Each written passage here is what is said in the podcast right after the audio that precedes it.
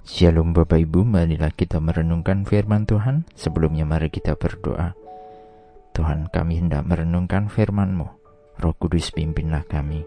Di dalam Tuhan Yesus kami berdoa. Amin. Bacaan saat ini diambil dari Yohanes 17 ayat 14. Yohanes 17 ayat 14.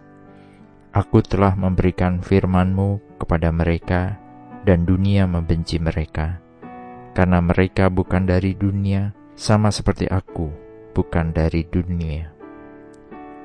Kebenaran firman Tuhan bagi dunia adalah kebencian. Dunia tidak menyukai jika kebenaran firman Tuhan itu merampas orang-orang daripadanya. Iri hati, perselisihan, kemarahan, kebencian, seks bebas, kebinasaan, adalah cara-cara hidup duniawi. Sebagai orang percaya, kita diundang untuk hidup bersikap dan bertindak mengikuti cara dan tatanan firman Tuhan. Manusia yang ada di dalam Yesus Kristus adalah pribadi yang serupa dengan gambarnya dan hidup menjadi berkat bagi sesama. Lalu, kenapa dunia membenci mereka seperti dalam bacaan saat ini? Hal ini karena firman Tuhan. Firman Tuhan ini menunjukkan satu-satunya jalan, kebenaran dan hidup kekal melalui Tuhan Yesus. Sebuah rahasia besar yang dunia tidak inginkan.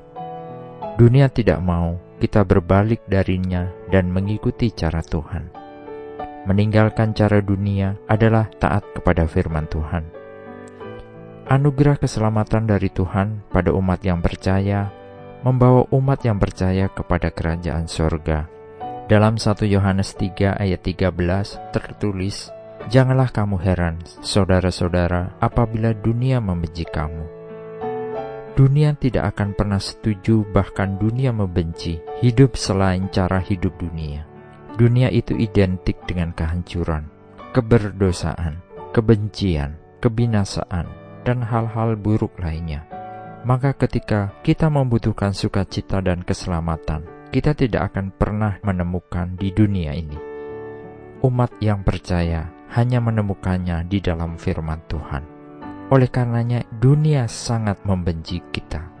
Keberbedaan inilah yang memisahkan antara hidup dengan cara dunia atau hidup menuju kepada kerajaan surga. Kita bukanlah orang duniawi, karena orang duniawi membenci kasih kepada Allah dan kasih kepada sesama. Kita adalah warga kerajaan surga.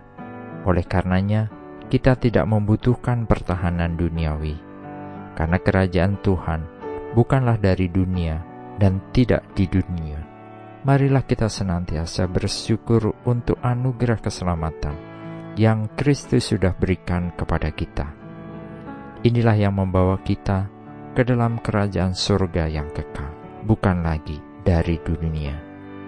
Amin. Mari kita berdoa. Bapa Surgawi, terima kasih untuk anugerah keselamatan Tuhan. Kami bukanlah berasal dari dunia ini, sehingga hidup kami tidaklah pantas untuk menyukai perilaku duniawi yang tidak seturut dengan firman Tuhan.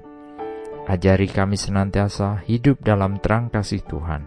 Di dalam Tuhan Yesus, kami berdoa dan memohon. Amin.